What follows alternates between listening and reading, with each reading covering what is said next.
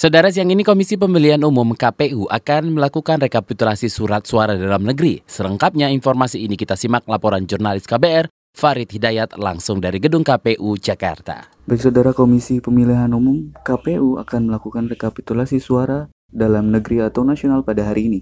Hal ini dilakukan usai melakukan rekapitulasi suara luar negeri yang lebih dulu dilakukan pada Sabtu 4 Mei lalu.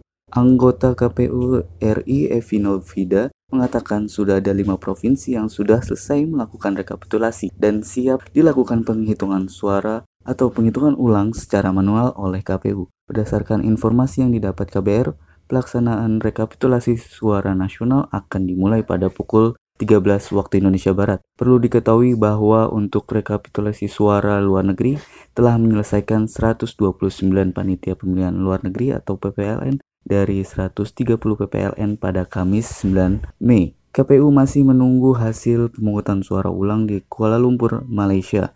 Namun berdasarkan data perolehan hasil di 129 PPLN, Jokowi Ma'ruf Amin memperoleh 520 ribu lebih suara mengungguli Prabowo Sandi yang hanya mendapatkan 181 ribu lebih suara. Dari kantor KPU RI Jakarta, Farid melaporkan untuk KBR.